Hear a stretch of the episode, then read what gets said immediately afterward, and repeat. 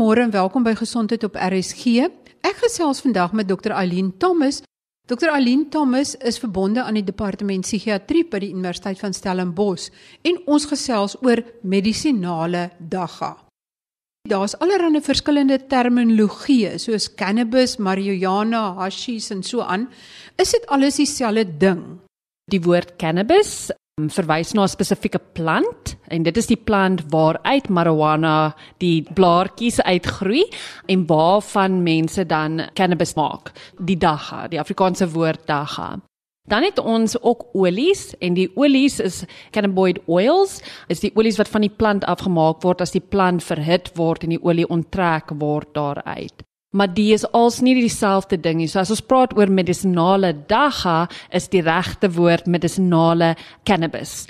Want dis werk soos die plant, maar hy word gemaak in 'n laboratorium. Watse soorte cannabinoïde kry 'n mens? Goed, so ons verdeel hulle in drie groot klasse. Ons eerste een is endokannabinoïde. So dit is kannabinoïde wat reeds in jou brein en jou liggaam bestaan. En hulle is nie vroeg 1990s ontdek. 'n Voorbeeld sal wees anandamide. Anandamide is 'n natuurlike kannabinoïd en ons weet hy werk in terme van wanneer 'n mens pyn het, help hy om pynverligting te verskaf. Dan het ons wat ons noem phytocannabinoïde en dit is die wat in plante voorkom. En voorbeelde hiervan is THC, cannabidiol, CBD. So dit is nou die wat in die cannabisplant van af verkry word. En dan laastens kry ons sintetiese cannabinoïde en die is wat in die laboratorium vervaardig word. En 'n voorbeeld hiervan is sativa of Sativex en dit is 'n produk wat in Amerika en Europa gebruik word vir verligting van verskeie mediese toestande. Kry mens meer as net THC en CBD? Is daar baie meer van hierdie uh, cannabinoïde in 'n plant en het hulle verskillende effekte of tree almal presies dieselfde op? Uh, daar is meer as 100, amper 150 wat al geïdentifiseer is. En elke een van die cannabinoïde het hulle eie farmakologiese effekte het sy dit terapeuties is en ook wat hulle nie terapeutiese effekte is nie. So die mees algemeenste cannabinoïde is THC, THC. So hy is een van die algemeenste cannabinoïde. Hy is ook die een wat psigoaktief is. Wat beteken hy kan maak dat jy sekere emosionele of gedragsveranderinge het onder meer dat jy kan psigoties raak van hom. Dan het ons cannabinoïde wat nie psigoaktief is nie. En 'n voorbeeld daarvan sal wees cannabidiol. Cannabidiol se verkorting is CBD en dit is onder andere die cannabinoïd wat hulle gebruik in die medikasie wat ons voorskryf.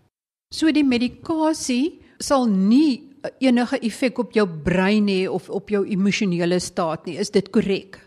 Die veronderstelling is dat dit nie sal hê nie. Die reseptore waarop die cannabinoïde werk is wyd versprei in die brein in verskillende areas, byvoorbeeld in jou frontale lob, in jou cerebellum wat jou beweging affekteer, so afhangende van wat die produk is.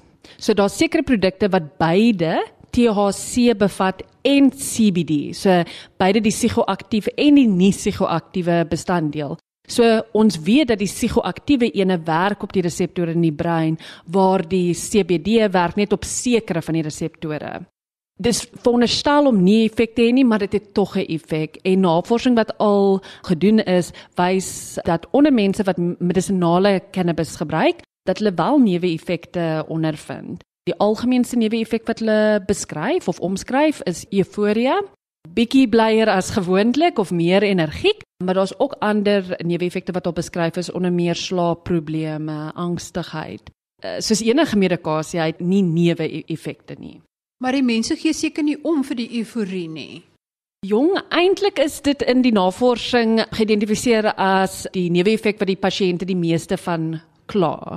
Maar weer eens onthou elke pasiënt is verskillend en dit hang ook af van waarvoor ontvang hulle die medisinale cannabis. Op die oomblik word vir 'n wyd verskeidenheid van um, toestande gebruik of dit nou glaukoma is of dit nou is om eetlus aan te vorder in mense met vergevorderde kankers of dit gebruik word vir pynverligting dit gaan nie dieselfde week en elke pasiënt hê nie want hulle as 'n individu het ook hulle eie mediese toestand ander medikasie wat hulle neem wat miskien 'n interaksie kan hê met die medisonale cannabis ook.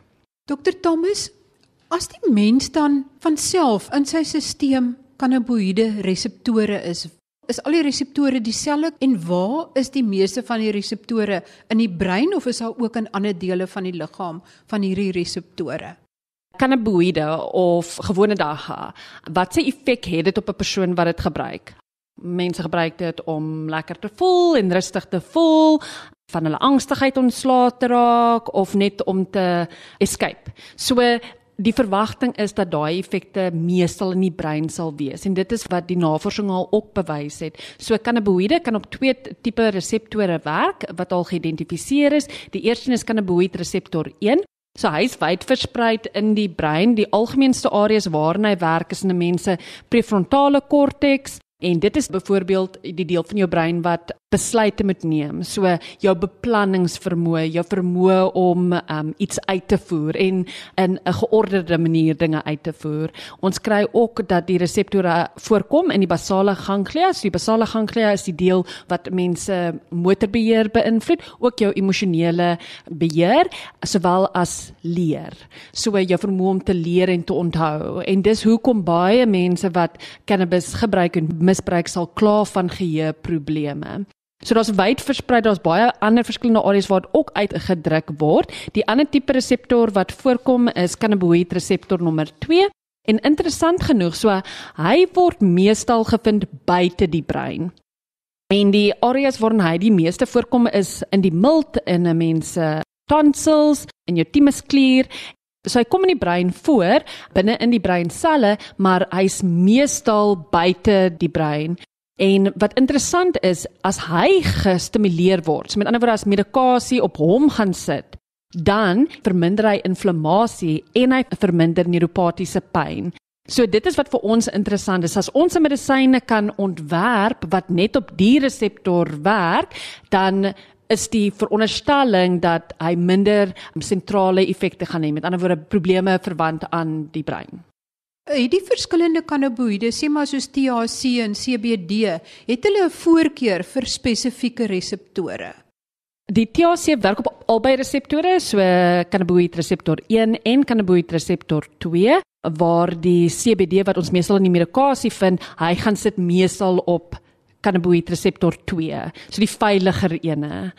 Van die medikasie en van die medikasie wat self geproduseer word deur verskillende mense op hulle eie bevat beide THC en CBD en ongelukkig wat ons sien ook weer uit die navorsing is dat daai konsentrasie van THC tot CBD op die oomblik is daar meer THC in die medisonale cannabis as wat ons graag wil hê. En dit is nie 'n goeie trend om te sien nie want dit beteken dat die moontlike neeweffekte van die cannabis baie meer kan wees as wat dit moet wees. So as jy kyk na medisinale cannabis, dan soek jy die een met 'n hoë konsentrasie CBD. Dit is presies reg. Verkieslik net CBD of CBN. Dit is die ander veilige cannabinoid. As jy dan medisinale cannabis sal gebruik, sal mens dit rook, sal mens dit drink in 'n pilvorm en maak dit 'n verskil van hoe die cannabis aan jou liggaam gegee word aan die konsentrasies wat op die ou ende beskikbaar is vir 'n effek. So daar's verskeie maniere waarop mense heidaglik cannabis gebruik. Miskien is dit vir mediese doeleindes, maar dis noodwendig medisinale cannabis nie. So ek dink dis 'n belangrike onderskeid om te maak. So die verskillende maniere hoe dit geneem kan word is om dit te rook en dit is die algemeenste manier wêreldwyd. Dit maak dat jy vinnig 'n effek het. Wanneer mense effek sien is vroeg na gebruik. So binne 3 tot 4 ure sal jy effek hê. Die tyd vir die cannabis om uit te werk werk oor so 30 ure uit. So sy konsentrasie is baie baie hoog en die effekte vat langer om uit te werk uit die liggaam. So dit is die een manier. Dan iets anders wat nou onlangs die lig sien is so 'n soortgelyk aan gewone sigarette wat mense um, hulle noem dit vaping um so 'n vaporizing cannabis. So dit is 'n soortgelyk aan 'n e-sigaret. So die cannabis is verpak in hierdie masjienkie en die cannabis word hier nou verbrand en die hoeveelheid wat dan blootgestel word in die rook is hoër. Die cannabis effek is is hoër. oorsee mense verkies uh, hou daarvan van is iets wat hulle kan gebruik in die openbaar um, sonder dat dit um, noodwendig 'n spesifieke reuk afgee of dat ander mense bewus is dat hulle wel medisinale of cannabis gebruik. Dan die ander maniere is oraal, so cannabis kan gebak word in koekies, dit kan in 'n olie omsluit word en in die vel ingevry word. Maar as ons praat spesifiek van medisinale cannabis, so waarvan ons praat wat ons as klinisie graag mik om na te gebruik is die wat in die pilvorm is. Waarom dit belangrik is, dit beteken dit het streng regulasies deurgegaan. Dis 'n laboratorium ondersoek aan gaan sodat ons presies kan vasstel wat die konsentrasie is van die verskillende cannabinoïde en wat die verwagte neeweffekte kan wees. Medisinale cannabis wat op die oomblik te koop aangebied word ondergaan nie hierdie streng regulasies en deursoeke nie. En die gevolg is dat weer eens as 'n individu wat die medikasie gebruik of die cannabis gebruik dit kan verskillende effekte hê wat nie altyd voordelig vir die pasiënt is nie So op die oomblik is dit nog 'n probleem dat mense nie weet presies wat is die dosis en presies watter cannabinoïde ingeneem word nie. Dis presies so. Ons erken dat daar baie navraag is van die publiek. Mense wat met die huidige medikasie nie verligting kry van 'n baie verskeie toestande nie. So ons verstaan en ons ook erken dat dit belangrik is dat dit as 'n moontlike medikasie ondersoek word, maar die publiek wil ook seker weet dat die medikasie gaan veilig wees. Op die oomblik word dit ongereguleerd gebruik in Suid-Afrika dit kom met sy eie risiko's wat ongelukkig nie altyd voorspel kan word nie. In die mediese literatuur is daar sekerlik al heelwat tipe navorsings gedoen oor die gebruik van cannabis om sekere simptome te verlig. Maar wat is daai simptome? Waarvoor kan mediese cannabis moontlik help en is daar bewyse vir sekere van hierdie uh, aansprake of is daar nie voldoende wetenskaplike bewyse nie? Laat ek net eers begin om te sê dat in terme van navorsing, dis 'n baie moeilike produk om op navorsing te doen, want soos ons nou al agterkom het van die vorige vrae is dat wat mense inneem is nie altyd dieselfde nie. So dis om ons appels met pere te vergelyk. In terme van waarvoor is daar bewyse vir gebruik? So op die oomblik word dit bemark as 'n produk wat vir amper elke moontlike mediese toestand onder die son 'n effek het als van demensie tot uh multiple sklerose so vir 'n pasiënt met multiple sklerose wat erge spastisiteit het. Daar is bewys vir gebruik in kroniese pyn. Daar is bewys vir gebruik in PTSD, posttraumatiese stresversteuring en angsversteuring in pediatriese epilepsie, so waar kinders al 'n uh, verskeie medikasie ontvang het en moontlik al chirurgie ontvang het waar die cannabis effek het. Meeste van hierdie inligting kom egter van enkele gevalle wat opgeskryf is. So waar hulle al die navorsing al saamgevoeg het bymekaar en deurgesif het en die kwaliteit van die navorsing met mekaar vergelyk het, waarvoor daar teken is van dat dit kan 'n effek het is in spastisiteit met multiple sklerose, kroniese pyn en dan ook om naait en braaking te verminder in pasiënte wat chemoterapie ontvang. En wat is die uh, risiko's as die mense dit neem? Waarvoor moet mens versigtig wees? Ek dink die belangrikste ding is om te verstaan dat cannabis is nie gelisensieerd vir gebruik in Suid-Afrika nie. Dit is onwettig om dit te gebruik. So dis die een komponent daarvan. So op die oomblik, dit is nie dokters of aptekers wat die medikasie beskikbaar stel nie. So ons dink in terme van neeweffekte of moontlike risiko's aan 'n mens se gesondheid in die kort termyn en ook in die lang termyn. In die kort termyn weet ons dat cannabis gebruik aan mense bestuursvermoë beïnvloed. Byvoorbeeld dit maak dat jou reaksietyd langer vat. In studies waar hulle gekyk het na mense wat in motorongelukke was, die wat cannabis gebruik het, het dit definitief 'n effek gehad op hulle vermoë om goed te bestuur. En interessant genoeg selfs in die pasiënte wat opgehou het om dit te gebruik, het daai effek nog steeds gelinger later. Dan die ander moontlike neeweffekte is wat ons gesien en ek dink baie mense onderspeel is die psigiatriese effekte. So 'n mens kan dissosieer van cannabis gebruik, 'n mens kan psigoties raak en van die psigose is nie altyd omkeerbaar nie. So dit is uh, gene met 'n uh, medikasie interaksie. So jy mag dalk gebore wees met die gene vir skizofrenie, jy weet dit nie en dit vat soveel as een 'n cannabis uh, sigaret rook om psigose te presipiteer. Ons weet hoe jonger mense is en hoe vroeër hulle cannabis gebruik, maak hulle risiko om siektes soos skizofrenie te kry baie hoër. Dit is ek dink die belangrikste ding wat ons oor bekommer. Dan is daar ook ander effekte. Daar's gesondheidseffekte van die studies het gewys in mans, ouer mans wat uh, cannabis gebruik dat hulle meer geneig is om hartaanvalle te kry en hartsiektes te kry en dit het ook effek op 'n mens se kognisie, so jou vermoë om te leer en te onthou. Nou weer eens, as ons nou dink aan 'n 'n kind met pediatriese epilepsie wat nou cannabis ontvang, goed en wel die epilepsie is onder beheer, maar ons weet nie wat die langtermyneffekte op die kind se vermoë gaan wees om te leer en te onthou nie. Wat ons definitief weet uit die literatuur is langtermyngebruik en vroeë gebruik van cannabis se korrelasie is 'n laer IQ telling. Sjoe, so die kind word dan eintlik dommer. Een van die baie vrae wat luisteraars vir my vra is as hulle kanker het, kan hulle die chemoterapie en die ander kankerbehandeling laat staan en dan eerder dagga gebruik of cannabis gebruik want hulle hoor by so baie mense dat dit goed is vir kanker. Ja jong, so weer eens die baie mense wat die raad so vrylik uitdeel is nie noodwendig uh medies opgelei nie.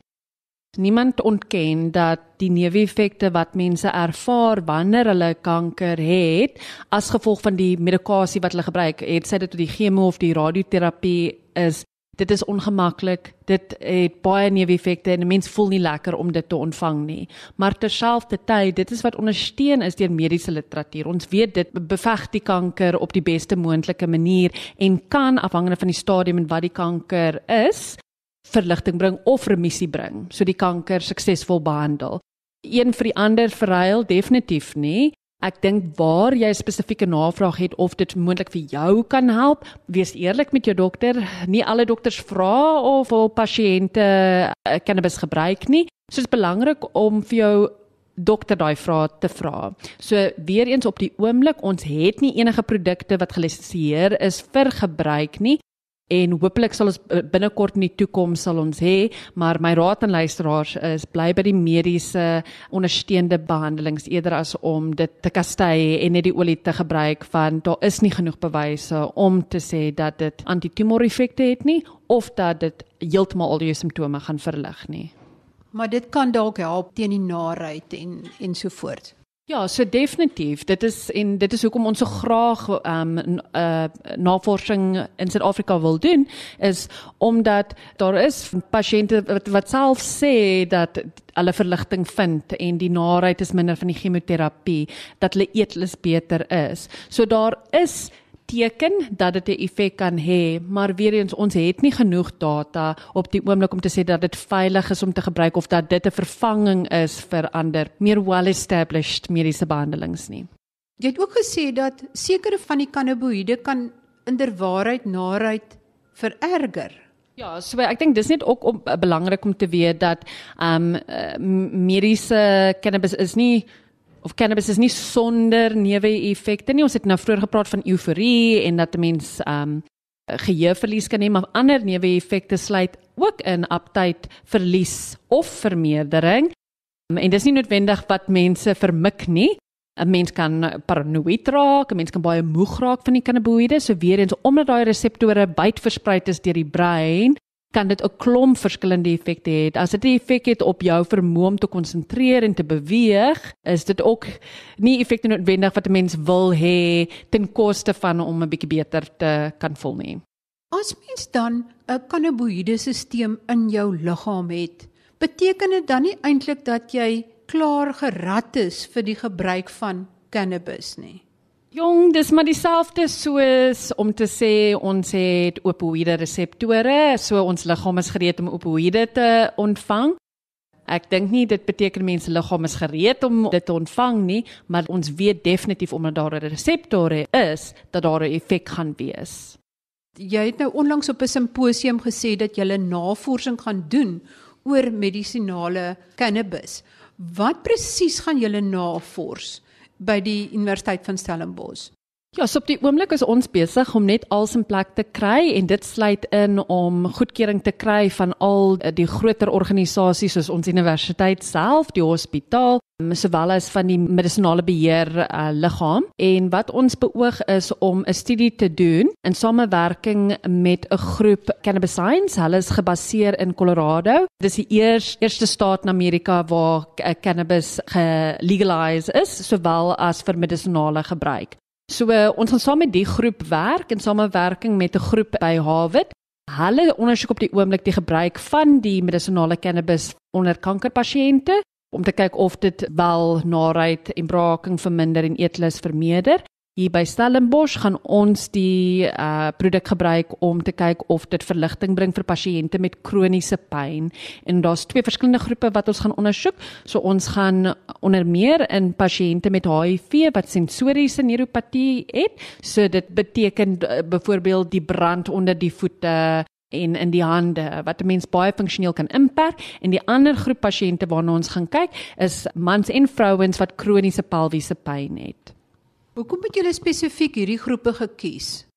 Die is in samewerking met Dr. Sean Chetty van die narkose afdeling. Hy is 'n pynspesialis en hy's hoof van Pyn SA en spesifiek HIV geassosieerde sensoriese neuropatie want onder ons meer local research het gewys dat dit 'n prioriteit area vir Suid-Afrika is. Ons het baie hoë uh, insidensie van HIV en ons weet dat ten spyte van die medikasie wat daar is en beter medikasie wat daar is, het ons pasiënte nog steeds hierdie neeweffekte, hierdie brandpyn, hierdie seerpyn wat inperk op hulle funksionaliteit, maar behalwe dit, die huidige medikasie wat ons daarvoor gebruik, maak dat hulle meer medikasie moet gebruik wat middelinteraksies het en dit behandel dit nie suksesvol nie. So dit is die een area in terme van kroniese pelviese pyn. Dit is ook baie algemeen in Suid-Afrika. Dit kos baie geld vir die hospitaal om pasiënte met kroniese pyn te behandel. Die pasiënte het ook baie ander neeweffekte. Byvoorbeeld, hulle slaap sleg, hulle is angstig, hulle seksualiteit word beïnvloed, Hulle het baie spierpynne. So in hierdie groep wil ons nie net kyk of die cannabis um pyn gaan verlig nie, maar ons wil graag wil weet of dit ook die depressie gaan verlig of dit die angstigheid minder gemaak en of dit die slaap gaan verbeter as 'n sekondêre uitkoms. Dan net 'n heel laaste vraag. As jy dink dat die oplossing lê in die vervaardiging van sintetiese medisinale cannabis, beteken dit dat dit nie nodig is om al die daggaplante te kweek nie. Die daggaplante gaan nog steeds gekweek moet word om die produkte onttrek wat ons gebruik in die sintetiese middel.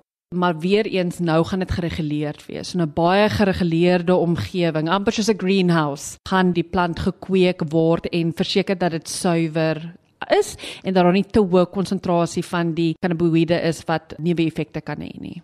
Baie dankie aan Dr. Aline Thomas, psigiater verbonde aan die Mediese Skool van die Universiteit van Stellenbosch oor haar insigte in terme van die medisinale gebruik van dagga en ook die inligting oor die nuwe studie wat hulle gaan doen om te sien of medisinale dagga wel enige effekte het op die pynverligting van sekere groepe pasiënte soos wat sy verduidelik het.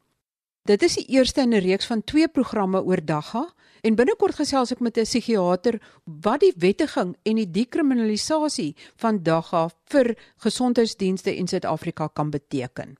Vandag kom ons dan by die planne vir week 4 van ons doen dit net aksieplan. Week 4 begin natuurlik volgende maandag, maar hier is die plan alreeds.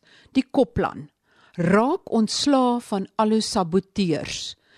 En dit is die saboteurs wat jou planne om hierdie doen dit net aksieplan in werking te stel en daarmee voort te gaan saboteer.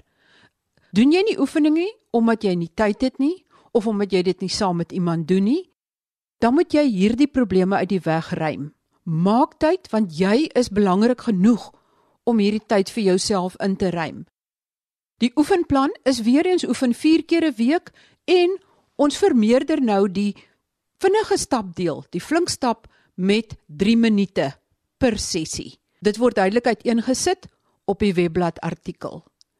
Ons eetplandeel is ook baie eenvoudig en ons pak weer eens iets in die geel mandjie en dit is hoender. Maak seker dat jy darm 2 keer 'n week 'n porsie hoender eet en 'n porsie is natuurlik so groot soos jou handpalm, grootte en dikte en alles. En wat is dan nou lekkerder as 'n hoender wat lekker bros gebraai is op die kole of in die oond, maar maak net seker dat jy jou nou nou nie wend na daardie bekende kolonel se hoender wat baie deeg om het met krummels en in diep olie gebraai is nie. Nee, ons wil eerder wegkom daarvan. So minstens 2 porsies hoender per week en dit kan selfs soveel wees as 5 tot 6 porsies per week. So saam met die vis en die hoender het jy nou al heelwat proteïene in jou mandjie en jy behoort nou al redelik versadig te wees met al die dinge wat jy mag eet. Dit is vrugte, baie groen blaargroentes, vis en hoender en die res eet jy dan soos gewoonlik en onthou alles wat in die rooi mandjie gepak is, die soetgoed, lekkergoed ensovoorts kan jy beskou as 'n treat eenmal 'n week. Tot volgende week. Dan gesels ek met 'n baie besonderse vroulike oorneus en keel spesialis oor 'n operasie wat sy doen om tracheostomies die gaatjies in die keel by kinders wat gesukkel het met asemhalingsprobleme, hoe sy dit regstel. Tot volgende week dan. Totsiens.